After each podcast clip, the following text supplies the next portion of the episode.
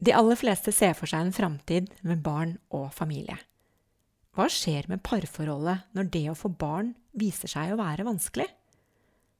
Og hvordan oppleves forholdet til venner og familie som stadig minner deg på at du bør vel få barn snart? Og hva gjør en voksen kvinne når livet må defineres på nytt fordi ingenting ble slik hun hadde planlagt og håpet? Dette kan du lese mer om i boken Barnløs Boken kan bestilles i bokhandelen. Du kan kjøpe den portofritt på barnløs.no. Og hvis du sender meg en e-post, så kan jeg skrive en hilsen til deg i boken. Da sender du til boken barnlos i ett ord at gmail.com.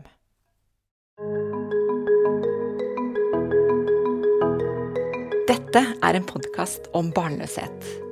Jeg ønsker å finne svar på hvorfor temaet er så viktig for oss. Jeg vil grave frem fakta på området, og ikke minst dele de viktige historiene bak. Jeg er Cecilie Hoksmark, og mitt mål er større åpenhet. Velkommen til deg, Sondre Risholm Liverød. Takk. Du er psykolog, til daglig så jobber du i psykisk eh, helsevern for voksne. I tillegg så er du opptatt av å videreformidle psykologifaget. Og jeg har tenkt at det er eh, rett og slett voksenopplæring for eh, allmennheten. Du har skrevet flere bøker, har en nettside som heter Webpsykologen, og ikke minst podkasten Sinnsyn.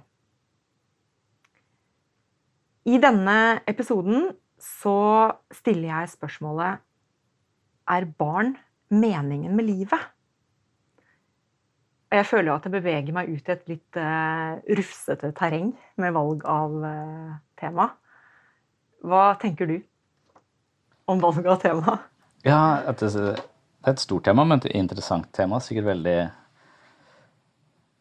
uh, Veldig viktig for mange å tenke tenke over det. Og sikkert mange som opplever, i hvert fall hvis de ikke kan få barn, at det blir et enormt fokus i livet deres. Eh, det er kanskje den største livsfella man går i, er vel å hele tiden fokusere på det som mangler, og ikke på det man, det man har. Og hvis det ligger veldig mange føringer for at det er barn vi skal ha, så, så, og man ikke har barn, så er det vel lett å fokusere veldig mye på hva man ikke har. Og det er vel eh, det er i hvert fall veien til å få et ganske sånn for, eh, Klare å smøre misnøye og, og utover store deler av livet sitt. Da. Så, så det er, men det er et stort spørsmål. Hva er meningen, eh, meningen med livet og, og, alle de tingene der? Så det, det, og det er jo et, tema jeg liksom har skrevet. Jeg har beveget meg inn i meningen med livet liksom i møte med folk som mener andre ting enn meg selv. Da. Og da typisk religiøse mennesker. Så det er den, det, den måten jeg har prøvd å uh, nærme meg meningen med livet på, og diskutere det med kristne. For de har et helt annet syn enn, enn det jeg ville ha på det. Selv om jeg er veldig uavklart med hva som er meningen, meningen med livet.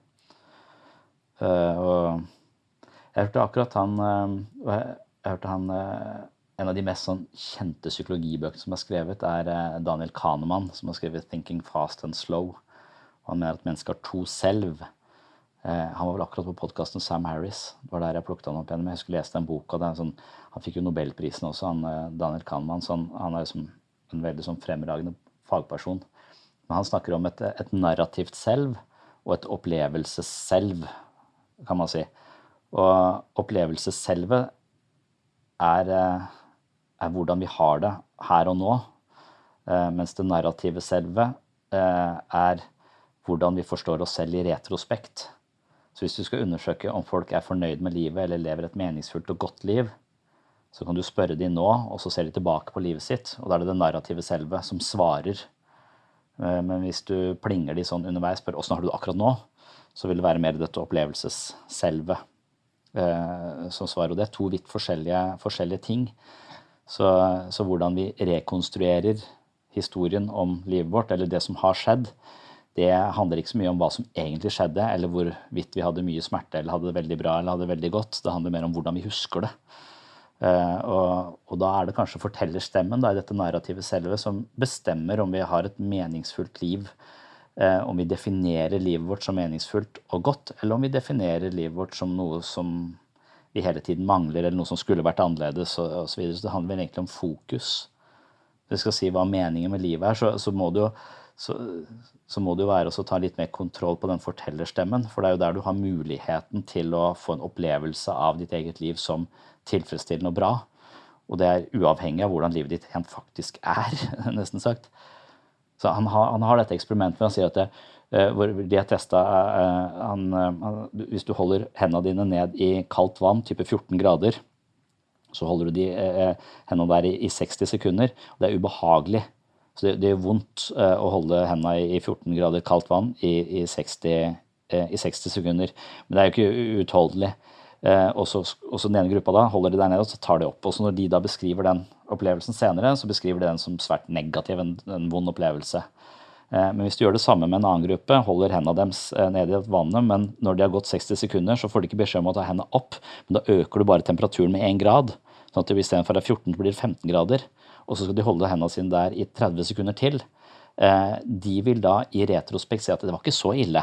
For da går det fra smerte til litt mindre smerte.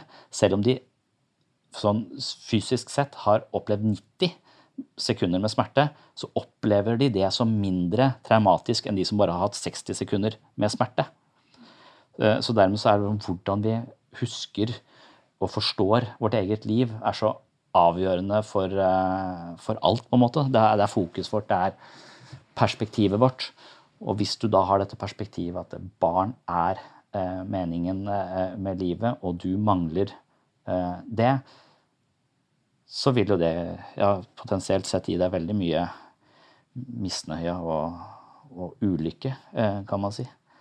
Så, så, jeg tenker at meningen med livet er eh, det noen vil si det er et dårlig spørsmål i det hele tatt. altså at det Sånn som Buddha tror jeg vil si at det er ikke noe du bør Meningen med livet er aldri noe du skal jage etter eksplisitt. Det er en implisitt ting, så du må bare synke ned i livets elv og la deg føre med. Så idet du hele tiden jakter på noe, så er du på en måte på feil spor, fordi at da Meningen med livet er når du er selvforglemmende til stede i noe som er større enn deg selv, på en måte, og du, bare, du bare lever. Mens når du hele tiden jakter på noe, så er det som om det du, der du er nå, ikke er bra nok, og du skal til et annet sted. Og Dermed så vil den eksplisitte jakten på meningen med livet være et vanlig blindspor. Da. Så ja, det er ikke noe Det er mange måter å se det på. Men denne, denne jakten som du beskriver, um, da tenker jeg hvis du jakter, jakter du da på noe som du har bestemt selv? Eller jakter du på noe som er ytre styrt? Altså en påvirkning eh, fra omgivelsene dine? Ja, det, jeg tror liksom ikke det finnes noen eh, sånn noe sannhet om det. Men da spørsmålet Det handler vel om den forståelsen. Ja, kanskje det handler mest om kultur, da. Altså det kulturelle, at, at, vi, at hele det psykiske operativsystemet vårt er infiltrert av måten kulturen tenker på, og de målene som kulturen har satt som høyverdige mål, vil kanskje være de vi adopterer og blir våre egne, våre egne mål. Men det betyr jo ikke at de målene egentlig ikke er våre egne. Altså, det, det, det kommer jo litt, litt an på. Jeg tenker litt sånn at Eh, jeg vokste opp med en far som er lærer, og han var veldig sånn opptatt av at vi skulle gjøre lekser, og han var opptatt av språk og forstå språk. Han var også språklærer, han, eh, og han var veldig opptatt av at jeg skulle lese bøker osv. Det kom som et slags krav utenfra. Eh, og, og jeg var ganske pliktoppfyllende, så jeg fulgte de kravene. Men i ettertid så er det også det å lese bøker og det å ha tid til å sitte og lese bok eller å være opptatt av språk og sånn det er noe som han har installert i meg, tenker jeg. Men det har blitt mitt. Og det er, mitt, det er noe av det som gir livet mitt eh, mye mening. Å utforske nye ideer og lese og, og, skrive. Så selv om det er noe som er pålagt meg på en måte fordi han kanskje fant mye verdi i det selv, og har tvunget meg til å ha de samme verdiene, så, så kunne jeg stritta imot, og det passer overhodet ikke, men kanskje jeg hadde et slags anlegg for det selv, og at det ble, det ble jo mitt. Så om det er kulturen eller hva det er, så adopterer vi det, og det blir en del av oss. Eh, så det, så det blir en del av vårt vår holdning og, og vår måte å, å, se verden på. Da. Så vi ser jo aldri verden på noe spesielt original måte. Den er jo alltid installert av noen inputs fra et eller annet sted. Uh, og, og, sånn sett så finnes det jo ingen endegyldige svar på hva som er meningen med livet, eller om du skal ha barn. Det kommer an på hva slags narrativer du da har vært utsatt for og adoptert. Og hvis du da plutselig har adoptert en narrativ hvor meningen med livet er noe du ikke kan nå, så burde du leite etter en ny narrativ, kanskje. Eh, for det tror jeg finnes. Derfor så tror jeg ikke man kan si at barn er meningen med livet. Men det kan være meningen med livet. For de som har den narrativen og har fulgt det sporet og opplever at det er ja. Men jeg tenker også det er en del ting med akkurat det der med å få barn som har en del fordeler når det gjelder å leve et meningsfullt uh, liv. Um, som, uh, som, man kan uh, ja, også, også, eventuelt reflektere over. jeg har jo tre barn selv. og og, og jeg, jeg, undersøkte Før jeg fikk barn, så spurte jeg folk om fordeler og ulemper med å ha barn. Eh, og, jeg, jeg var, og, hvorfor gjorde du det? Jeg var skeptisk. Jeg var liksom usikker på, på prosjektet eh, å, å, ha barn. Så jeg var liksom eh, og, og, da fikk jeg jo en kjempelang liste. For det er veldig lett å snakke om alt som er utrolig slitsomt med å ha barn. Så, og så sier ja, men det er, også, også er det helt fantastisk, men de klarer ikke helt å definere hva som, hva som gjør det bra. da. Mens, eh, mens, lista over alt Ikke sove på natta aldri, Det er veldig masse negative Tilsynelatende negative ting da, med å ha, med å ha barn. Uh, og dermed så, så, tenkte jeg det, det regnskapet der går jo ikke i balanse, liksom. Uh, sånn sett skeptisk, men så hadde jeg vel et ganske sånn jeg hadde ikke noe, sånn sett, Egentlig så hadde jeg vel ikke noe valg. Jeg kunne ikke sagt til hun jeg er gift med at jeg, jeg vil ikke ha barn. Det hadde hun ikke akseptert. Eh, for hun, hun vil eh, eh, ha barn. Og jeg vil, vil, også ha barn et eller annet sted. Liksom, jeg vet ikke hvem som tok det valget. Jeg, om det er kulturen som har påvirka meg. Jeg tenkte, jeg har vel alltid sett for meg at det, det, det, skal jeg ha. Men da jeg begynte å undersøke det, så så det ut som regnskapet kom i ubalanse. Men så, men så har jeg i ettertid tenkt at, at det det å ha barn jeg, jeg, sier av og til at det å ha barn gjør deg omtrent like lykkelig som å sitte i rushtrafikk. Men det, gir livet, det kan gi livet en mening. Så lykke og, og, og, mening. Så når du får en liste med masse negative ting, så tror jeg kanskje det er fordi at vi har en tendens til å gi negative følelser et litt dårlig rykte. Jeg tror kanskje de negative følelsene er de viktigste vi har. Og sånn sett så, så, tenker jeg kanskje at det at jeg satte meg i en situasjon hvor jeg fikk ekstremt mye mindre fritid, ekstremt mye mindre tid til å tenke på meg selv og gjøre mine ting, eh, noe som gjorde de få lommene jeg har til å gjøre mine ting, så ekstremt mye mer verdifulle. Så, så egentlig det å sette seg i en situasjon hvor du her begrenser deg selv og får mindre valgmuligheter om å leve ganske selvopp ofrene, egentlig. For du må sette dine egne behov til side og tenke veldig mye på andre enn deg sjøl. Veldig mye. Så at det er kanskje en vei til et meningsfullt liv, da. Men det betyr ikke at du er nødt til å gjøre det med barn, men det er lettere å gjøre det med barn, for det er vanskelig å gjøre det der av seg sjøl. Jeg tror kanskje religiøse mennesker gjør det. De setter seg i situasjoner hvor de er programforplikta til å tenke på andre enn seg selv og hjelpe andre. Så de har et sånn perspektiv som, hvor, de, hvor, de, ikke tar så mye hensyn til seg selv, men er nødt til å Det kan jo være prøver å score poeng hos Gud osv., men jeg hadde ikke kommet dit hvis ikke jeg hadde fått det. Når du får barn, så har du ikke noe valg. Du kan ikke levere de tilbake igjen, liksom. Eh, så jeg har satt meg selv i en situasjon som, eh, som jeg ikke kan tvile på eller si at dette var ikke riktig, så jeg, så jeg bare jeg, jeg angrer. Jeg, jeg, trekker meg. Eh, og, og det tror jeg kanskje er noe vi det er viktig for oss mennesker å, å, å, å se at de, de, tingene som gir oss negative følelser og slit og faenskap, kan også være kanskje de viktigste fasene i livet vårt. Og det kan da være å få barn eller å ikke få barn, egentlig. Begge deler gir deg kanskje en fase, en vanskelig, en smertefull, en fase hvor du er nødt til å gå noen runder, og du er nødt til å holde ut. og du, ja, du må liksom møte møte alle de utfordringene, eh, enten du vil eller ikke. Som, så da er det kanskje det å være ufrivillig barnløs. Da, da, kjemper du en kamp da. Hvis du har valgt å ikke få barn, så har du gjort det på litt andre premisser igjen, da. Da har du liksom kanskje en, en vei. Jeg mener kanskje selv at jeg ikke har selvdisiplin nok til å leve det beste livet jeg kan, hvis ikke jeg hadde vært pressa litt til det, da. Så det er kanskje derfor at jeg tenker at det at jeg fikk barn som krevde så mye av meg, økte kapasiteten min på en eller annen måte. Sånn at jeg eh, nå har en mye høyere kapasitet enn det jeg hadde når jeg ikke hadde noen andre å tenke på. For det, det nevnte du i sted også. At du, du, fikk noen andre å tenke på. Og, mm. og så øh, var mulig at det var bare min tankerekke, men få høre med deg om det stemte. Du tok det i samme åndedrett som du snakket om meningsfylt øh, liv. Mm. Noen andre å tenke på. Og så nevnte du Eh, eh, et eksempel med religiøse som da kanskje eh, gjør noe for andre, at det på en måte er innbakt i en del av den religiøse kulturen deres. Mm. Så noe sier meg at du setter en fellesnevner på å være noe for andre, gjøre noe for andre utenfor seg selv. Mm. Som, som, linker til meningen med livet. Ja, jeg, jeg, jeg tror det er en tett uh, forbindelse der. Så jeg tenker det, det, sier han Daniel Kahneman også, at hvis du spør folk rett inn i livet deres, istedenfor at de skal si ting i retrospekt, eh, så, så, vil eh, de menneskene som rapporterer det beste livet, er de menneskene som har de beste relasjonene. Eh, så gode relasjoner, gode likestilte relasjoner til andre mennesker er det eneste man vet korrelerer direkte med et godt liv. Da du er mindre syk, du er mindre innlagt, du er mindre stress. Så det er veldig mange helsegevinster ved å ha gode relasjoner. Men uh, når folk rapporterer det, så er det ikke nødvendigvis relasjon til barna. Det er ofte relasjon til gode venner.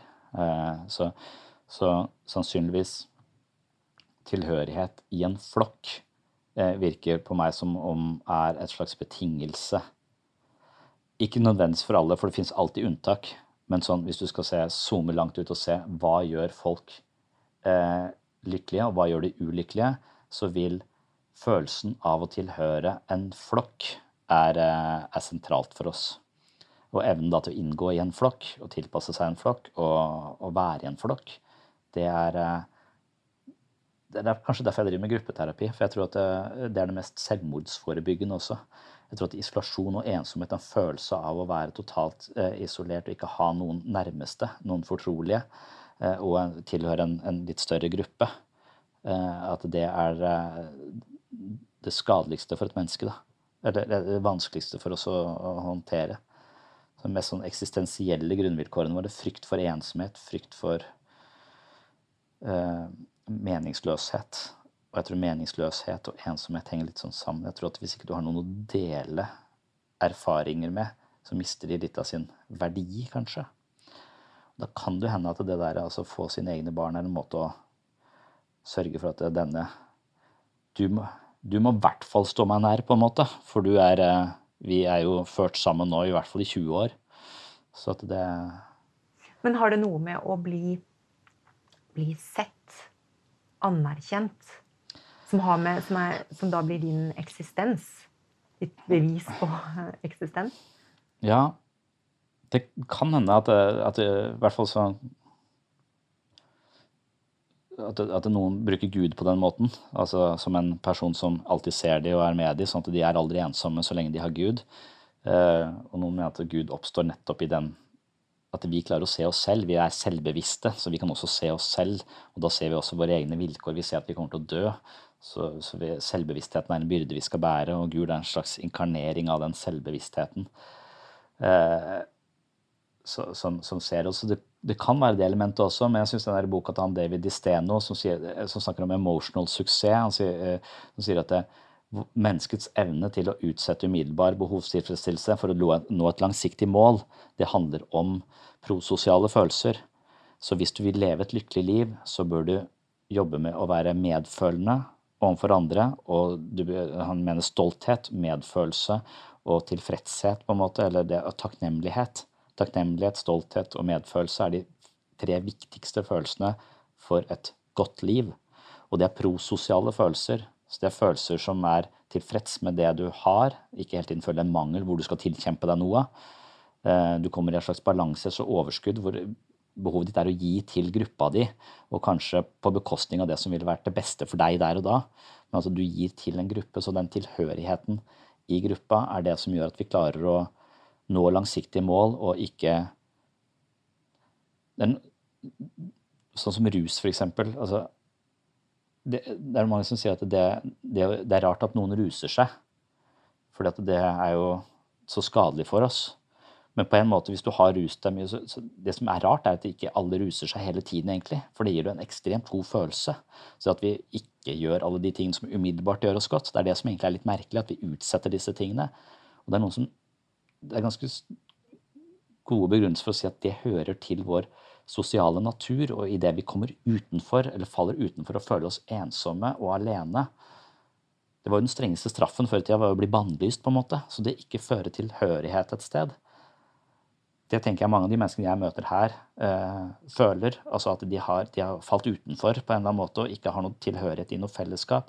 Og hvis vi da her kan gi de evnen, eller skjønne hvorfor de faller utenfor, for det er ofte noe man kan gjøre noe med selv, øh, og gi dem en opplevelse av å tilhøre et meningsfullt fellesskap, så er det det, mest, det er det beste vi gjør for psykisk helse for de fleste. Det er ikke det at jeg som terapeut sier noe smart, det er at vi tilbyr en meningsfullt fellesskap hvor de kan vokse, på en måte og undersøke nye, nye ting.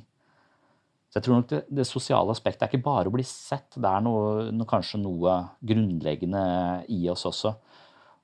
Og emotional suksess sier at hvis du skal nå et mål, så nytter det ikke med viljestyrke. Eh, alene for viljestyrke, det kommer og går. Så du vil klare det i 14 dager, men så ryker du, liksom. Og så faller du ned igjen. Så du, det vil være en berg-og-dal-bane. Men hvis du virkelig klarer å tilhøre en flokk, så vil evnen din til å nå langsiktige mål komme av seg selv, nærmest. Eh, du trenger ikke å streve så mye. Så viljestyrke er en dårlig følelse, mens medfølelse og prososiale følelser binder deg til andre mennesker, som gjør at du også kommer til å nå målene dine på en annen måte. Altså det, er noe, det er noe veldig sentralt i det, det, sosiale. Og for meg er det viktig. og så Derfor så, hvis jeg spør meg er barn meningen med livet, så vil jeg kanskje si at nei, men de har beriket mitt liv ganske mye fordi jeg har noen disposisjoner som i utgangspunktet hadde disponert meg for et litt ulykkelig liv fordi at jeg f.eks. er veldig introvert. Derfor så hadde det ikke vært for kona mi, så hadde vi vært helt ensomme. Vi hadde ikke møtt noen. Så, så, at, så at, jeg eh, møter folk Jeg kan virke utad veldig sosial, men dypest sett så er det jeg hviler alene. Uh, og, og, det å da få mennesker inn i verden som på en måte du er, har et ansvar for, og som på en måte er så glad i deg og setter deg så høyt at det, en person som meg, som egentlig har en viss distanse til ting, blir helt sånn kvelt av det altså det, det, det, oppleves jo ikke for meg som spesielt, det oppleves for meg som kjempe, en kjempebyrde. på en måte. Det har aldri vært noen som er så avhengig av meg og gir meg så mye betydning. Og det virker bare helt sånn overveldende. Men det at jeg da igjen blir tvunget inn i den situasjonen til å være Og så har jeg to jenter, og de, jenter er så relasjonelle. De er så innmari i relasjonen, på en måte. Og det krever så ekstremt mye av meg, som jeg var dårlig på i utgangspunktet. Og hvis ikke det er noen hadde tvunget meg til å trene på det, så veit jeg ikke om jeg hadde gjort det heller. Da hadde jeg sikkert vært mye mer asosial. Men det betyr ikke at jeg ikke kunne kommet den veien uten barn. Jeg måtte bare gått den på egen hånd. Jeg ikke, jeg hadde, og jeg er usikker på om jeg hadde klart å tvinge meg til det. Det er vel det som jeg tenker at det, på en eller annen måte så har, har de situasjonene jeg har satt meg i, også øh, kanskje mer eller mindre forplikta meg til å gå i noen retninger som ikke er naturlige for meg, men som er viktige for meg. For selv om jeg er introvert av natur, så, så trenger jeg også høre til en flokk. Jeg trenger å ha venner, jeg trenger å bry meg om folk. Jeg trenger å, å være, føle tilhørighet. Da. Så det, det, er et eller annet der hvor jeg ikke tror at barn har meningen med livet, men at de på en eller annen måte kanskje pusher oss inn i situasjoner hvor det kan øke kapasiteten vår, og så trene oss på ting vi i utgangspunktet ikke er så gode på. Jeg vet ikke, jeg tror jeg er litt motsatt av en hedonist. Da. En hedonist ser på som en som tenker at meningen med livet er eh, å få tilfredsstilt behov og søke nytelse. Jeg tror vel at veien til et lykkelig liv er via smerte og faenskap. Eh, og ikke via umiddelbar behovstilfredsstillelse. Derfor så tenker jeg at det, det å ha barn har jo gitt meg enormt mye bekymring og smerte og usikkerhet og faenskap, men likevel så vil jeg når kvelden kommer, på en måte rapportere at jeg er på et bedre sted nå enn da jeg reiste rundt i Thailand og prøvde forskjellige ting og var helt fri fra at det er ingen forpliktelser. Da. Det er noe godt med den friheten. Eh, men samtidig så for, for, meg så tåler jeg kanskje ikke så mye frihet. altså Det gir meg en type eksistensiell angst og uro. Så at det å ramme meg selv inn og gi meg mindre valg og mindre frihet, har også gitt en følelse av mer mening og ja, og i hvert fall mindre angst, da. ja. Men uh, tror du at uh, det kan være et behov for å uh, føle seg nyttig? Betydningsfull? Mm. For det er man jo med barn. De er jo helt avhengig av deg. Ja. Så den relasjonen er liksom så opplagt. Mm. At du har en verdi, en rolle, 24 mm. timer i døgnet. Ja. Ja. Og, og igjen noe som bare da kommer fordi at det barnet kommer. Så du har liksom ikke gjort noe annet for den at nå har du fått en veldig eh, stor betydning. Noe som er en tung bør å bære. Men jo mer du bærer, jo mer mening kan kanskje livet få. Men igjen, du kan jo like gjerne Hvis du skjønner det, hvis du skjønner at det, min evne til å faktisk ikke bare leve og eksistere for min egen del, men at jeg ønsker å formidle noe, jeg ønsker å være noe, jeg ønsker å Dette kaller jo Maslow for metabehov. Så, så, han sier at på et eller annet tidspunkt så, uh, så De fleste mennesker har, lever i en eller annen mangel, så vi trenger noe for å føle oss hele. Og da er vi på jakt etter noe for å bli hele, og da er vi ganske egosentriske. Uh, men, mens barn tvinger deg på en måte til å tenke på noe annet enn selv. Religion tvinger deg litt til det. Selv om du ikke nødvendigvis er så langt oppe i Maslows behovshierarki at det kommer av seg selv. Men så, så, er det som om man bare da tvinges til å jobbe i den øverste delen som handler om å tenke på noen andre enn seg sjøl Og være viktig for noen andre eh, enn seg selv, som også kanskje er et egobehov igjen. Altså, det, det, jeg tror på et eller annet tidspunkt så, så vil du annet, Noen ganger så gjør du masse for andre for å, at de skal For at du skal det er en type alturisme hvor det er en sånn vinn-vinn-situasjon hvor, hvor, du føler deg veldig bra fordi du har gjort noe bra for andre. Eh, men så kan det hende at det finnes en måte å gjøre bra ting for andre uten at du egentlig trenger den anerkjennelsen, eller at egoet ditt ikke trenger den sole seg i den glansen, på en måte. At det, det er sånn selvhjelpstips er å gjøre ting for andre uten å si det til noen. Ja, Men vil du oppfylle det behovet, da? Eh, nei, nei, men kanskje du da trener i de helt øverste nivåene ja. av det som vil gi livet sin aller største mening, er rett og slett å virkelig være oppslukt av noe som er større enn meg selv. Så jeg tenker at religion har kanskje det aspektet at det er noe større enn meg selv kanskje en ideologi. Har det, det er noe større enn meg selv. Eh, og, og, For da kunne du jo tenkt at du da eh, gjorde noe for andre barn. Ja. I ditt tilfelle så mm. kunne du jo da Nå leker jeg bare med en tanke her. Men la oss si at du adopterte noen mm. barn da, som mm. virkelig trengte noen voksne å ta vare på dem. Mm. Så hadde du jo ikke gjort det. Det hadde ikke vært en ren um, mine barn, mine gener. Nei. Og så bare vært der. Mm. Uten å forvente noe tilbake. Uten at de, du skulle forvente at de skulle bo hos deg mm. til de var 18 år. Mm. Jeg bare fikk ja. en sånn assosiasjon. Ja. Mm. Men jeg tror ikke jeg hadde gjort det, liksom. Det er det. Jeg er usikker på om jeg hadde liksom Ja. ja jeg, jeg, jeg, så derfor så mener jeg at det fins veldig mange veier til et, til et, godt liv. Men jeg tror jeg, jeg vil tenke at det, jeg hørte akkurat en podkast hvor det var noen sånne objektivister, sånne Iron Rand-folk, som er veldig opptatt av uh, og egoisme er noe viktig for de, og de setter det høyt. Og jeg har aldri helt forstått Ayn Rand, og, men Jeg kjenner ikke han. Nei, Ayn Rand det er en dame, en russisk egentlig dame, som, som er, er, på en måte skrevet kapitalismens bibel. da. Atlas Sjøg, den står der oppe.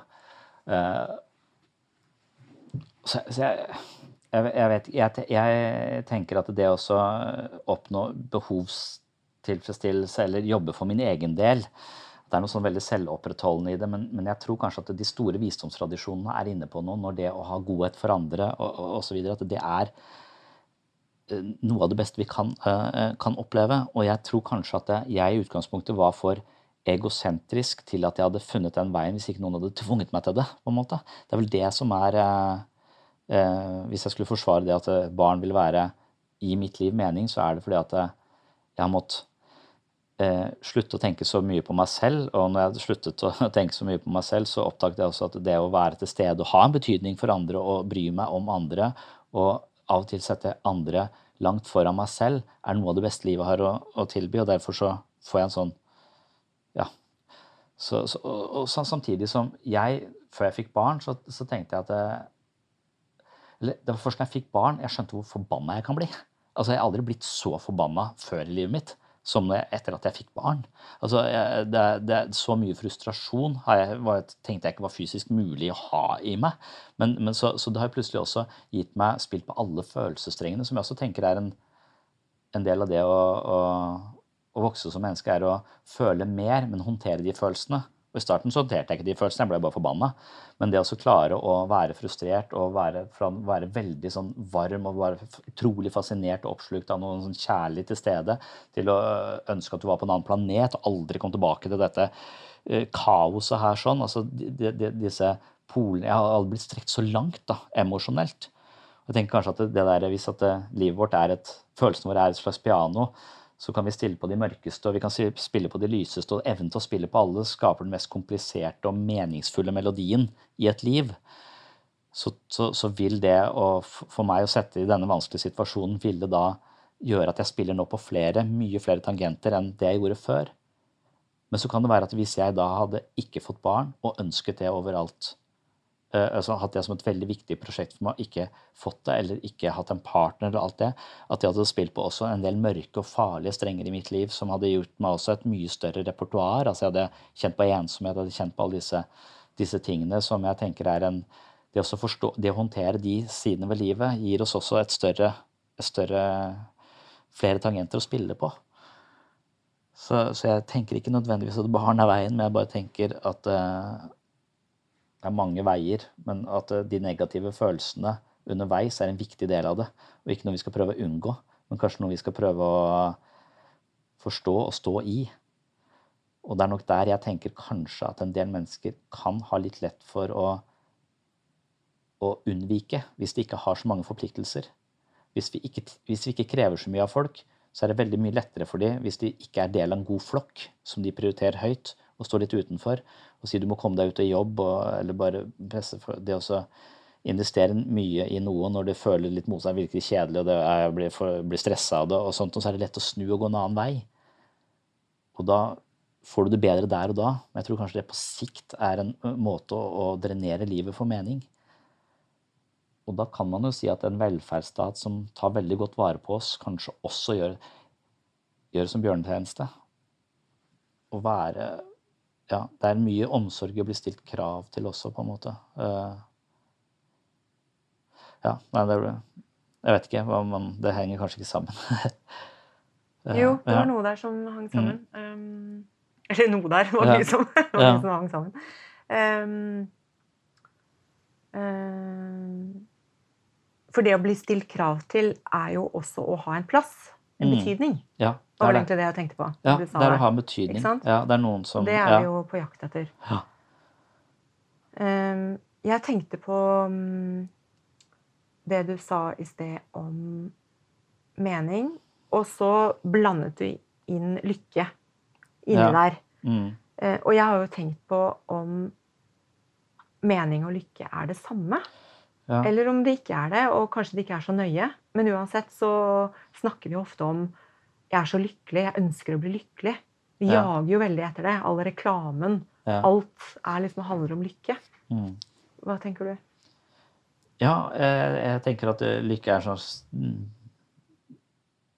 bieffekt av, av, noe annet som kan oppstå i små, korte, korte, glimt. Men jeg tror det er noe helt annet enn å føle et meningsfullt eh, liv jeg vil, jeg vil, også tenke at et meningsfullt liv handler om å ha et prosjekt som du ånder for og er veldig opptatt av, som kanskje går litt utover deg selv. Skille mellom objektspill og metaspill. Noen ganger i, i Thomas Satz gjør det. Han sier at objektspill handler om å skaffe seg mest mulig ting, eller få mest mulig likes, eller få den beste karrieren, eller eh, altså alle disse tingene vi gjør for å øke livskvaliteten vår, på en måte. Det, men det, det gir en del motivasjon, og det, det, driver livet ditt fremover. Men det gjør kanskje ikke så mye annet enn å drive livet ditt fremover og fylle den tida du har fram til du dør.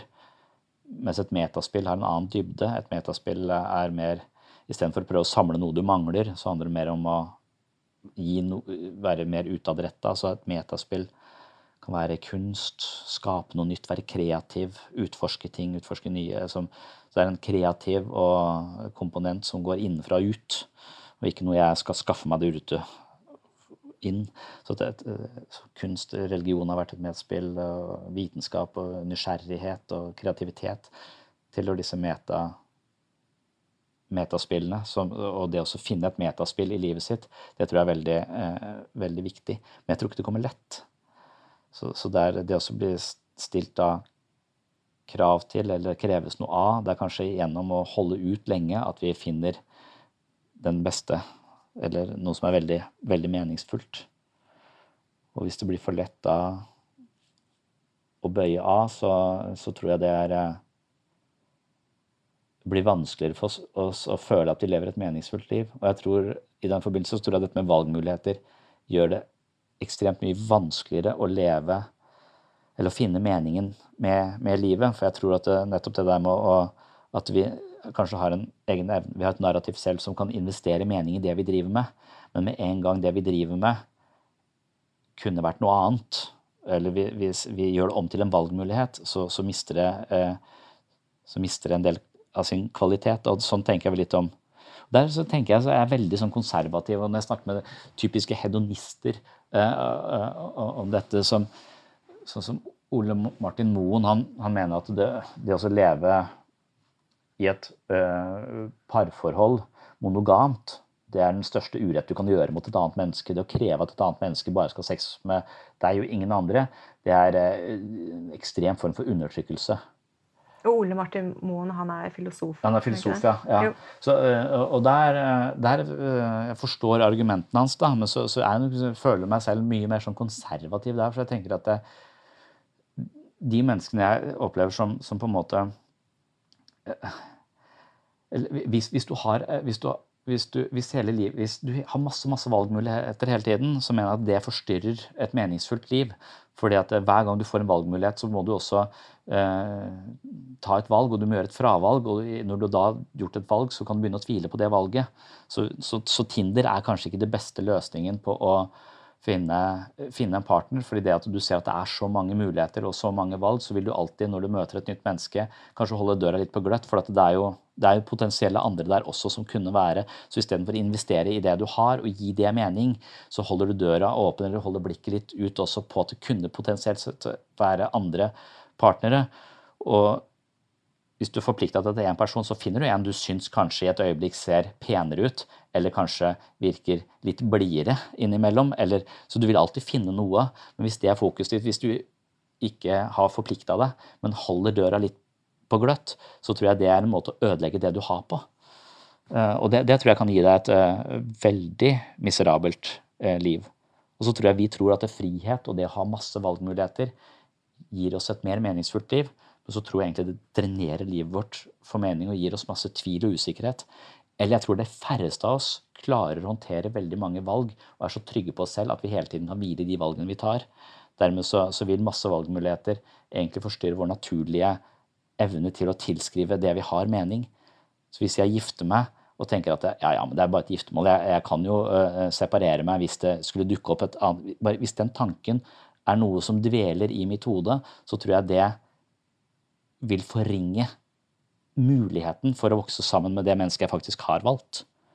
Eh, så igjen, den standhaftighet, og da også i gode og dager, på en måte, selv om jeg ikke er religiøs. Altså, det er jo en del av disse Stå i valgene dine, gjør valgene dine irreversible. Ikke tenk at du kunne valgt, eh, valgt annerledes.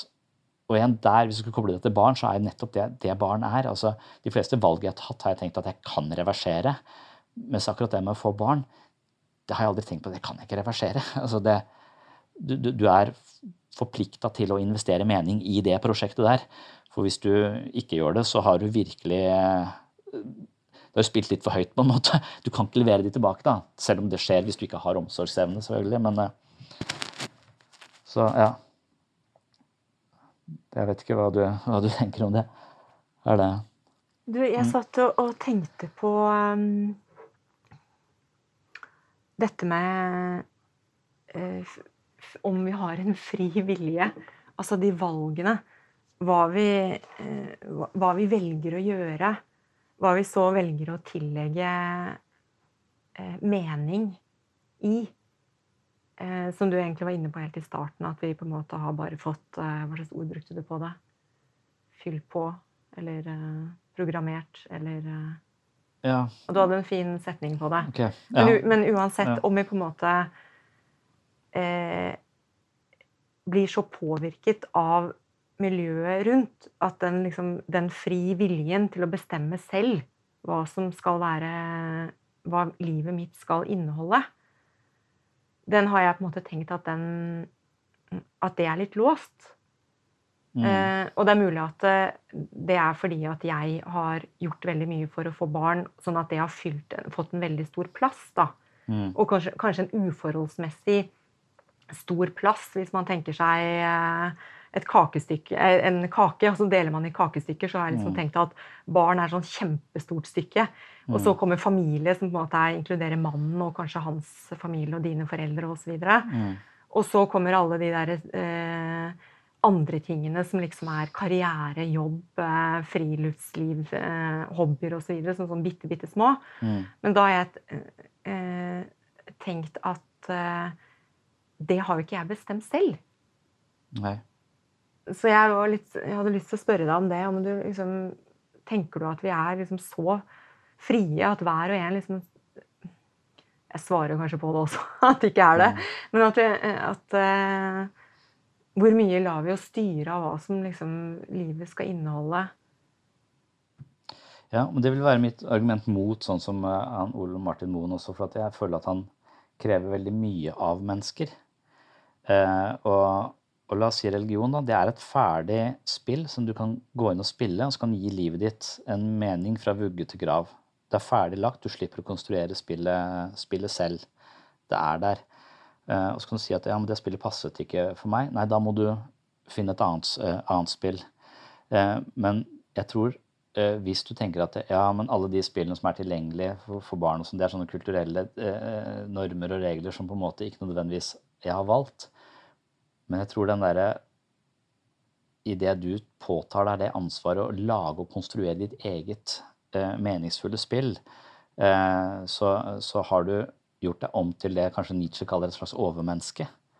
Eh, det kan godt være at det er Positivt forstand? Eller? ja, jeg vet ikke om jeg kanskje misforstår Nietzsche. Jeg har aldri prøvd, jeg har prøvd å lese under ham uten helt å forstå det. Men, men la oss si at det er nesten sånn supermenneskelig eh, egenskap å, å stå for alt mening i sitt eget, eget liv. Da. At det er en veldig, en veldig vanskelig oppgave. Selv om eksistensfilosofisk gjelder det dømt å skape mening i ditt eget liv. Men så tror jeg vi kanskje kan få litt gratis hjelp av de narrativene vi allerede har, som vi mener er meningsskapende og meningsbærende for oss. Så det gir oss en drahjelp. Men jeg føler det fins flere enn barn. Så selv om den kaka di øh, At barn er et så stort stykke, så mener du kunne bytta ut det med noe, noe annet som allerede er tilgjengelig, uten at du skal ta alt på egne, egne skuldre. Men vi kan tenke at ja, vi er, liksom, vi er liksom snevre og fanget av alle disse kulturelle forventningene og føringene. Men på den annen side så tenker jeg at det er nettopp det at vi, vi setter frihet til å velge, velge våre egne veier sånn i høysetet. Og det har en bivirkning, for at du skal være så innmari solid forankra for å kunne ta alle de livspolitiske valgene på egen hånd. Så det å skulle stake ut din helt egen vei, det er litt sånn som noen få mennesker vokser ut av sin egen kultur, sånn som Gandhi og Martin Luther King. ikke sant? Det er noen ekstraordinære mennesker som klarer det der. Og det å tenke at vi, hver og en av oss skal klare det, det tror jeg er også å tenke litt høyt om mennesker. Jeg tror ikke vi er kapable til det. Men er det også å gå ut av flokken? Det er eventuelt å løfte flokken, kanskje, til et nytt nivå. For det flokken eh, opererer på et nivå som, eh, som er etnosentrisk og mer eller mindre egosentrisk orientert. Så flokken har ikke et vidt nok perspektiv. Så du vil at flokken skal heve perspektivet sitt. Og hvis noen går ut og klarer å etablere et nytt gravitasjonspunkt og en mentalitet for en hel kultur, da, så, så, så vil du kunne potensielt sett enkeltpersoner kunne løfte, eh, løfte eh, kulturer.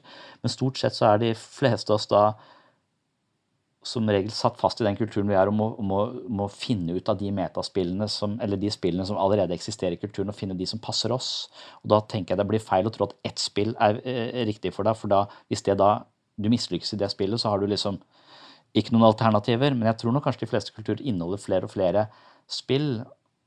Og, og da tenker jeg kanskje fordelen av å bo i et et multikulturelt, flerkulturelt samfunn gir oss stadig flere spill, flere muligheter, samtidig som usikkerheten vår med å måtte velge så mye også da øker. Det krever mer av oss. Så det å ta masse valg, det, gir oss flere muligheter, men mer angst.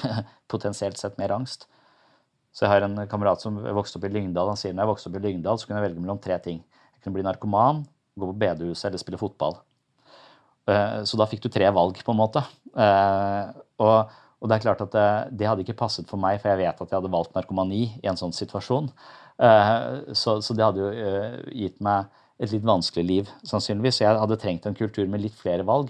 Men en kultur som har altfor mange valg også, da liksom Da kan du bli litt sånn Prøv litt det, prøv litt det, prøv litt det. Ikke finne din plass, ikke finne din vei. For du, hver gang du har valgt en vei, så er det vanskelig å stå ved den veien, for du ser at det dukker opp så mye annet. Så vi blir rotløse og flyktige og eventuelt misfornøyde fordi vi hele tiden ser at eh, vi hele tiden er oppmerksom på at vi kunne valgt noe annet, og det kunne potensielt sett vært bedre, og da tviler vi alltid på det vi har. Så, eh, så det å stå ved ting og være litt standhaftig og stå i ting, selv om dette føles feil, så er det ikke Selv om ting er fullt av negative følelser, så kan det nettopp være det viktigste du, det viktigste du gjør. Og sånn som å løpe et maraton er jo fullt av jævlige følelser. Men hvis du klarer det, så kan det være du gjør, når et mål som du har holdt på med kjempelenge, og det blir den viktigste dagen i ditt liv, på en måte. Selv om det der er fem timer med tortur, så er det kanskje et eh, Ja. Så, så hvis vi har selvdisiplin til det, og skjønner at vi må ikke bare gå minste motstands vei uh, og tenke på oss sjøl Hvis vi har kommet dit, så har vi kommet veldig høyt opp, tror jeg, og vi har forstått veldig mye sånn jeg ser på mening med livet, som er da sikkert litt sånn vi si, det motsatte av hedonisme. Jeg vet ikke hva jeg skal kalle det, men at jeg, jeg ser Jeg tror ikke at livet blir meningsfullt At det er lett at livet blir meningsfullt. Jeg tror det er litt vanskelig for oss å skape et meningsfullt liv. Jeg tror, og jeg tror det er nettopp derfor det er meningsfullt. Fordi det var litt vanskelig. Uh, og det da å forsone seg med at man ikke kan få barn, at man ikke skal gå den veien og skal finne en ny kurs, og da faktisk klare å finne en ny kurs, så kan det være det som virkelig gir livet ditt dybde, mening og ja, så man må slutte å tro Jeg tror absolutt ikke det finnes én vei til et, til et meningsfullt eh, liv. Men jeg tror det finnes hver gang du møter motstand og trekker deg ned eller legger deg ned og blir offer for det, eller går en annen vei. Så da tror jeg kanskje du i hvert fall går i litt feil retning. Så ja. Vi snakket litt i sted om um Dvs. Si, ordet me mem eller meme ble ikke nevnt, men du ja. snakket litt om det. Fordi du snakket om eh, uh, fotavtrykk eller sette spor eller eh, ja. ja. Så jeg, jeg, var egentlig litt ute etter om um, du ville tenkt at det kunne være vel så meningsfylt i livet som det å få barn? Ja, jeg tenker, det, kan være at det er et annet sånn element i det å få barn også, at det er noe sånn biologisk ved det, å spre genene sine aktig. Altså, jeg tror Freud, Freud tenkte litt sånn at vi har en sånn libidokraft. Altså, eller, eller, biologer kan kanskje tenke sånn at det, dypest sett så er mennesket bare ute etter å spre genene sine videre for å overleve som art. At det er en biologisk drivkraft eh, der. og Derfor så vil også det å få barn Vi vil rangere det som et veldig meningsfullt prosjekt. Og så kan man tenke at ja, det, det handler om å ikke vår frykt for døden og vår endelighet. Så hvis vi har noen kopier av oss selv, så er vi på en måte ikke fullt så døde når vi dør, kanskje. Eh, men, men så var det vel du som sa at det også eh, etterlate seg andre typer avtrykk kan være også en måte å ikke, ikke dø for alltid på. da. Lage en podkast som alltid vil leve etter vår, etter vår død. Det var en veileder han sa at meningen med livet er eh, du er Når du har skrevet en bok, planta et tre og fått barn, så har du gjort det du skal, mente han. Så han inkluderte jo det med barn, da. Men jeg, jeg er usikker, jeg tror ikke det. Jeg har ikke planta trær, det er det jeg mangler. Men jeg har gjort det, da, så trenger jeg ikke å leve mer. Da kan jeg bare legge på. Jeg vet ikke helt hva ja, skrevet, Du har skrevet bøker òg. Ja, ja, så, så da er det bare så Nei, å ja, etterlate seg, seg noe. Jeg har aldri tenkt på For jeg føler det er så veldig biologisk, så jeg har aldri tenkt på det at det, min motivasjon for å få barn er å øh, videreføre genene mine. Det er i så fall eh, noe jeg ikke er Det er ikke tilgjengelig for meg sånn følelsesmessig sett. Uh, uh, tror jeg. Det er i hvert fall ikke noe jeg har reflektert, uh, reflektert over. Og så tenker jeg det er litt sånn primitivt eventuelt òg. Tenkte vi ble for mange barn. Det er heroisk å ikke få barn, kanskje. Heller, eller eventuelt ja ikke ta seg av noen barn som mangler uh, ja. noe, eller ja. Se menneskeheten under ett. Ja, ja, men det kommer an på hvor høyt opp du, du er. Hvor, ja. ja. Det er jo I hvert fall så kommer det fram da, med de som jeg snakker med, som er frivillig barnløse, som har fått høre at det valget er egoistisk. Ja. Og det er jo en ganske røff påstand. Ja. Men er det det, da? Eller for, hva, mener de selv at det ikke er det, eller? De blir jo så klart eh, provoserte av den påstanden. Fordi ja. vi kan jo lett uh, slenge tilbake at det å få barn, det er jo det som er egoistisk. Ja. Hvert fall hvis man tenker seg verden i dag. Med, ja, det skal bli eh, ti uh, milliarder mennesker på kloden. Kommer vi til å klare, mm. klare det? Um, så vil man jo tenke i det perspektivet at, at vi er mange nok, da. Ja. At vi har mange nok barn som trenger foreldre. Eh, mm. Så jeg eh, har egentlig bare observert eh, Hva skal jeg si Observert tanken. Jeg har ikke mm. noe mm. eh, jeg, Av og til så kan jeg vel tenke at de som har barn, og bare er tilsynelatende opptatt av sine barn og sin familie ja, ja. Du blir noen småbarnsfascist, liksom? Ja. Det vil jeg jo tendere til å bli litt uh, egoistisk ja. Uh, i mine øyne, da. Ja.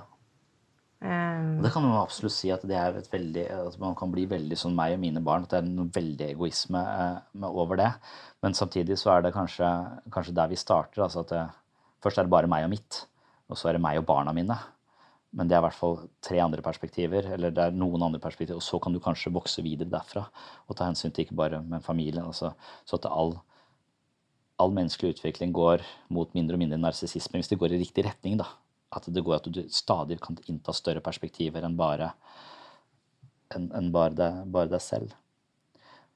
Så, men, men det finnes jo sikkert utrolig mange valg. Så, så noen kan kanskje velge å ikke ha barn fordi de velger at, eh, at eh, min misjon i livet er noe helt annet. Altså, og, men jeg tenker vi, uh, at Og det er, noe, det er noe litt sånn beundringsverdig over det, da. For da har du virkelig det, virker som om hvis du tar det valget og liksom har, har Klarer å skape et meningsfullt liv, klarer å skape gode metaspill og, og, og et, et liv du virkelig trives med, så, så syns jeg det er De som klarer det, jeg syns det er litt fantastisk at det, folk får til det. Uh, og, og, så er jeg litt Uten hjelp? ja. Men jeg tenker, man får jo, eh, Det er kanskje det folk får mer eller mindre hjelp til. Da, og det har mer eller mindre psykisk lidelse. For jeg tenker at det, det, kommer fra foreldrene våre. Og jeg tenker det å stille krav til barna sine er veldig mye omsorg i det. Og si at det må du, og det, uh, Eh, skal de også elske de og fortelle at jeg er glad i deg, og, og du er betydningsfull. Men det også da blir stilt eh, krav til å føle at man må forplikte seg. At, at folk klarer det. Og så tenker, kanskje jeg tenker på meg selv som litt svak. Da, at jeg er usikker på om jeg hadde klart den graden av forpliktelse hvis ikke jeg hadde blitt satt i den situasjonen litt sånn kasta ut i det. Som om jeg står på timeteren, og så tenker jeg ja, men det er jo ganske høyt. Jeg tror jeg drøyer den litt. Jeg vet ikke om jeg orker å hoppe. At jeg kanskje har blitt stående der ganske lenge og kanskje ikke kanskje gått ned igjen. Hoppa fra litt lavere. Mens det også bare plutselig blir kastet ut i en situasjon hvor bare bang Hvis du hadde fått tre, så, bare, så hadde Det er virkelig som å hoppe fra, fra tieren, men du har liksom ikke noe, noe valg. At jeg hadde trengt de pushene der for å komme ut av min egen navle, liksom. Jeg følte i hvert fall veldig det var som backpacker en periode. At det var liksom, alt var fritt, alt var greit. Og, og hadde en sånn indre uro og angst i meg som handlet vel om den At jeg det var for mye valg, det var for mye Det var ikke noen rammer, liksom. Og jeg var, trengte rammer. Men så tenker jeg også på de som trenger veldig smale rammer som litt sånn svake. da. At du, du klarer ikke å skape mening i ditt liv, så du er nødt til å tro på akkurat det. Du er nødt til å gjøre akkurat det, du er nødt til å leve det A4-livet. Du må bare gå inn i de faste rammene. Uh, for hvis ikke så klarer du ikke å, å, Det er en trygghet i det? Det er en trygghet i det. Uh, og det er noen som har gått den stien der før deg. Så det viser seg at det, det er sånn rimelig, rimelig, greit. Men det kan jo være også da helt feil. Og jeg tenker kanskje at jeg må bevege meg her. Kan jeg ha et fotfeste, og så kan jeg langsomt prøve å utvide det i sone for nærmest utvikling. Ja. Hva tenker du om, øh, om barn, ikke barn-meningen med livet selv? Hva er liksom Det er, øh, som jeg var inne på, det er som om det på en måte er liksom beskrevet på forhånd mm. hva, hva, du skal fylle livet ditt med. I hvert fall så ja. var det det uh, for meg. Og du brukte ordet i sted 'programmert'. Mm. Og jeg var da programmert til f.eks. jeg skulle ta utdannelse, mm. jeg skulle få meg en jobb, jeg skulle bli selvstendig. Det, mm. det, lå en del premisser der som jeg har skjønt etter at jeg ble voksen. Mm. At, de, at, de, var veldig sterke. Mm. Jeg skulle ha mine egne meninger, jeg skulle tørre å stå fram. Ja. Eh, være litt sånn uredd. Ja. Eh, I hvert fall så ble det veldig applaudert. da. Eh, og så eh, dette med å finne seg en kjæreste, få familie, det følte jeg også lå som en slags eh, premiss eller en forventning. Og den forventningen utenfra, den ble jo, den ble jo min forventning til meg selv eller til, til livet. Mm. Og så mm, vil jeg vel si at i og med at jeg gikk gjennom en såpass lang periode hvor jeg forsøkte å få barn, mm. som involverte to forskjellige forhold, ikke sant? Mm. spyttet inn masse penger, tid, mm. energi. Ja uten at det lykkes, og uten at jeg på en måte klarte å sette foten ned før. Ja. Jeg tror det er den derre uthalinga av tiden. Og eh, ti år er det jeg liksom tenker røftlig at den eh, varte, den perioden. Ja. Fra jeg var 30 til 40. En viktig del av livet ditt, vil jeg si. En stor del av livet. Så selvfølgelig så vil det få en stor være en stor del av meg så lenge jeg ikke lykkes med noe som jeg strevde så hardt med å få til. Det, det, tenker jeg liksom, det er liksom opplagt. Men så, må, eh, så vil jeg jo tenke det at eh, for at jeg skal eh, ha det bra i mine neste ti år og ti år etter der igjen, ja. så må jeg på en måte bestemme at nå lager jeg et nytt sett av premisser. Mm. Ny, nye ting som jeg fyller denne, denne kaka med. Mm. Um, og, og det, jeg brukte jo litt tid på å mm. rydde, der, rydde det bort. Ikke sant? Mm. Viske ut barn. Ok, det ble jo ikke noe av. Men det å liksom ta det viskelæret og, og, starte med det, det satt veldig langt inne. Fordi jeg nettopp hadde liksom, eh, ja, investert så mye i det. Og da, da er, er det en ulempe i ditt liv at du ikke uh, er, det, det, Ble det helt feil at ikke du fikk barn? Eller det, er det det som har gjort ditt liv til at du er her nå og snakker om det? Altså at det er det som har gjort ditt liv ekstra spennende og verdifullt og kanskje har en eller annen kraft som kan påvirke andre. Altså, det, det, er litt sånn som at det, La oss si at du bare er, du er født god i fotball, du er smart, og du, alt går på skinner for deg. Det er ikke en veldig spennende historie å fortelle. Men den historien som er liksom Odyssef som må møte masse troll og, og, og, faenskap underveis, det er jo det livet som er fullt av hinder, vanskeligheter og kanskje ikke de beste forutsetningene. Du likevel klarte å skape et meningsfullt liv. Kanskje det veier mye tyngre enn hvis det går på skinner. Så at motstanden vår er også det som på en måte enten Motstand kan gjøre at vi går til grunne og alt går til helvete. Som, du, som er en mulighet i det. At du bare kommer aldri over det. Og du lever bare i savnet etter det du aldri fikk hele livet. Eller du faktisk klarer å reorganisere deg selv og skape nye retninger. Noe som gjør deg til en helt annen person enn den du var før du startet den prosessen, og en mye sterkere karakter. Så at noen av oss, det er urettferdig at vi får forskjellige kort i livet. Men hvis du får utdelt dårlige kort og likevel klarer å spille bra, det er jo det, er det som lager virkelig spennende historier og gode det er det Netflix vil ha, på en måte. Da, da, da, blir livet ditt verdt å snakke om. Og apropos ensomhet, så vil jeg tenke at det er jo en ganske ensom følelse. Ja. Altså fordi man ikke deler den med så mange. Ja. Man har ikke så mange å speile den med. Eh, så man, man, mangler jo litt sånn eh, og samfunnet rundt, eh, hvordan reagerer de? Man kan føle seg litt sånn ensom Ja. I det. fordi hva er reaksjonene? Og valgte hun, er hun frivillig? Valgte hun bort barn? Hvorfor gjorde hun det? Ja. Og klarte hun ikke å få det? Hvorfor ikke det? Kunne hun ikke bare adoptere? Det er så mange Det, det er et sånt um, Og det er veldig synlig om man har barn eller ikke. ja. Uh, Du er enten helt grå i trynet, eller så er du ja. Det kan man jo si. Men ja, det, er- det, det er veldig synlig. Men, men, men hvis du selv tenker på det hvis du, hvis du ser rundt på, altså, Når du møter mennesker som har valgt å ikke få barn eh, for, sånn, for, meg da, med mitt perspektiv, så er jeg ser på det med en viss grad av beundring også. For en vanvittig selvstendig person som eh, At det er noe At jeg er litt sånn eh, jeg har bare gått den vanlige veien, eh, eh, på en måte, og gått den stien som er eh, opptrådt fordi jeg kanskje ikke hadde hatt kapasitet og eller funnet veien hvis ikke. Og jeg opplever jo at det å ha barn er veldig veldig meningsfullt for meg, at, men det er mye av all ubehaget også, at det har vært så meningsfullt. Og så det er med en viss beundring også, også de som da har Sånn som du som ikke har valgt det, at skal man skal man synes synd på de, eller hva, hva skal man eh, hva, eh, altså, Det er farlig å snakke om alle disse tingene som er sårt for mennesker, for du har ikke vært i den situasjonen selv. Du vet ikke hva du snakker om. Den møter jeg jo ofte av, av mennesker her, eh, her også som sier at ja, det er lett for deg å si. Eller det er, ja, og at det er mennesker som, som har en sånn stor sorg eller tap i, i, i livet sitt, hvordan skal vi man kan bli jo litt, litt nervøs av det også. At så da er det kanskje bra at du får det, Ja, og får, får ja, snakket nettopp. om det. At man, ja, Man blir litt sånn passiv, litt sånn at vanske- Vite hvordan man skal angripe det.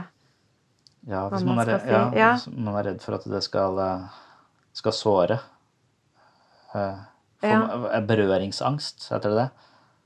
Eller, det eh, er, du er psykologen. Er ja, ja, men det tror jeg er sånn Folkepsykologisk. begrep. At man får berøringsangst for noe. Ja, ja jeg, jeg, jeg vil jo tro det. At ikke folk helt, eh, helt vet hva de skal si. Om det er på en måte om det, er veldig, om det er veldig synd på meg og andre som, er, eh, som ikke har barn.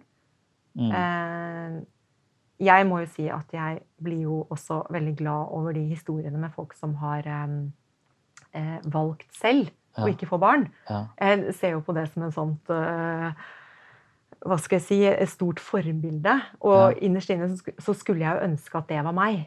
Ja. At da hadde jeg tatt et så bevisst valg. Og jeg har jo også, det sa jeg til deg innledningsvis før vi skrudde på podkasten, men jeg har jo alltid også vært usikker på om jeg egentlig ville ha barn. Ja. Og du nevnte også det for meg, at liksom du måtte jo skrive et skjema med positive eh, momenter på den ene siden og negative på den andre, for å Mm. liksom se om dette her går eh, i hop. Mm. Og jeg har også vært der, at jeg, jeg, at jeg ikke helt visste, men likevel så bare Det måtte liksom til, da, følte jeg. Mm. Men de som um, forteller at de har tatt et bevisst valg, de beundrer jeg også, for de har jo virkelig tatt et oppgjør med noe som på en måte var en sånn sti som på en måte var liksom forutbestemt eh, for dem. Mm. Og så skulle de lage sin egen sti eh, bortover til høyre. Mm.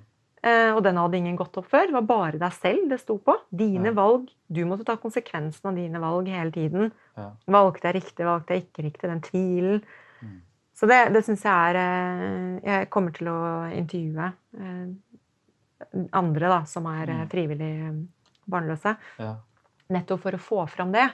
Og det kan også fungere som en slags eh, vekker for alle andre som på en måte eh, altså Det jeg tenker, er at det å få barn er egentlig et større valg enn det å ikke få barn.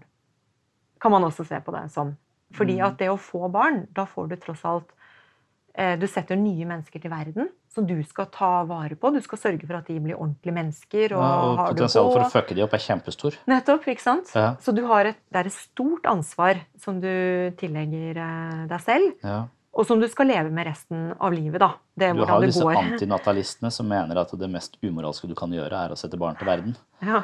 Og antinatalismen de mener jo at det er bedre for mennesker å ikke leve enn å leve. For de mener at summen av smerte i et liv er såpass stor når du ser på i forhold til summen av uh, hvor bra det er å være et menneske, så Ja. eh, så, så, så det er en egen filosofisk retning som er at det er det mest umoralske. Men jeg, men jeg er helt enig i at det, det å sette barn til verden, det snur livet ditt opp hodet. Hvis du ikke gjør det, så fortsetter du der du er, på en måte. Ja. Det vil ikke bli den store omveltningen Nei. som det å få barn. Ja. ja, nei, eh, klart. Så, og, men så tenker jeg også på meg selv som ungdom, så tenker jeg at jeg, jeg var eh, hypersosial til tross for å ha ganske introverte tendenser. Så, så var jeg så redd for å ikke eksistere hvis ingen så meg. At, jeg, at det å danne som mennesker er å være i relasjon med andre og bli speila og bli sett. At det var nærmest sånn desperat for å ha en kjæreste, for å ha noen ved siden av. Da var jeg livredd for å være ensom. Men etter hvert som man vokser og blir tryggere på seg selv, så klarer man å være alene. Man klarer å hvile i, i seg selv, og da har man liksom nok. Jeg er aldri ensom. Jeg har alltid mange relasjoner inni hodet mitt som utgjør meg. Altså Jeg har møtt mennesker, og de er i meg, og de bor i meg. Og, jeg vil aldri føle meg ensom nå, for jeg er på et annet sted enn jeg var da jeg var uh, ungdom og desperat på jakt etter noen som kunne se meg hele tiden. Og den der desperate jakten etter å være sammen med noen, og sånn, det så jeg jo på som en slags karakterbrist, nærmest. Eller det var rett og slett bare at jeg er umoden. Jeg har ikke landa i meg selv. Jeg stoler ikke på at jeg kan hvile i meg selv. Eh, og, og de da som velger f.eks. å leve alene eller å ikke ha barn, jeg tenker at de har, de har klart den prosessen der. Jeg var sånn desperat. Se meg, se meg, vær sammen med meg. Og, og at, mens de som da har klarer å gå en vei og hvile, finne, og hvile i seg selv De er sikkert sammen med masse folk og trenger sikkert For det er jo en utviklingslinje hele tiden. Men de, for meg også ser jeg på det som en slags styrke. De har tatt et bevisst valg her sånn, fordi de kan hvile i i seg selv, så det er noe beundringsverdig verdig over det. Og så kan du også vise de som eventuelt hele tiden har fokus på at de aksepterer virkeligheten sånn som det er, aksepterer at jeg kan ikke det, eller jeg kan ikke, det, det er vel det sunneste vi gjør, å stake ut en ny kurs, sånn som du, du sier, men det å sitte fast i det, det risikerer vi å virkelig uh, få det kjipt i livet vårt. Og da kan det være de menneskene som har vist en ny vei, eller tråkket opp en ny sti, som med viten og vilje har gått denne, denne retningen. Et, et viktig, viktig forbilder, da. Ja. Jeg syns jeg var en fin uh, avslutning. Mm. Ja. Jeg vil gjerne takke deg for samtalen. Ja. I måte. Det var fint. Mm. Takk.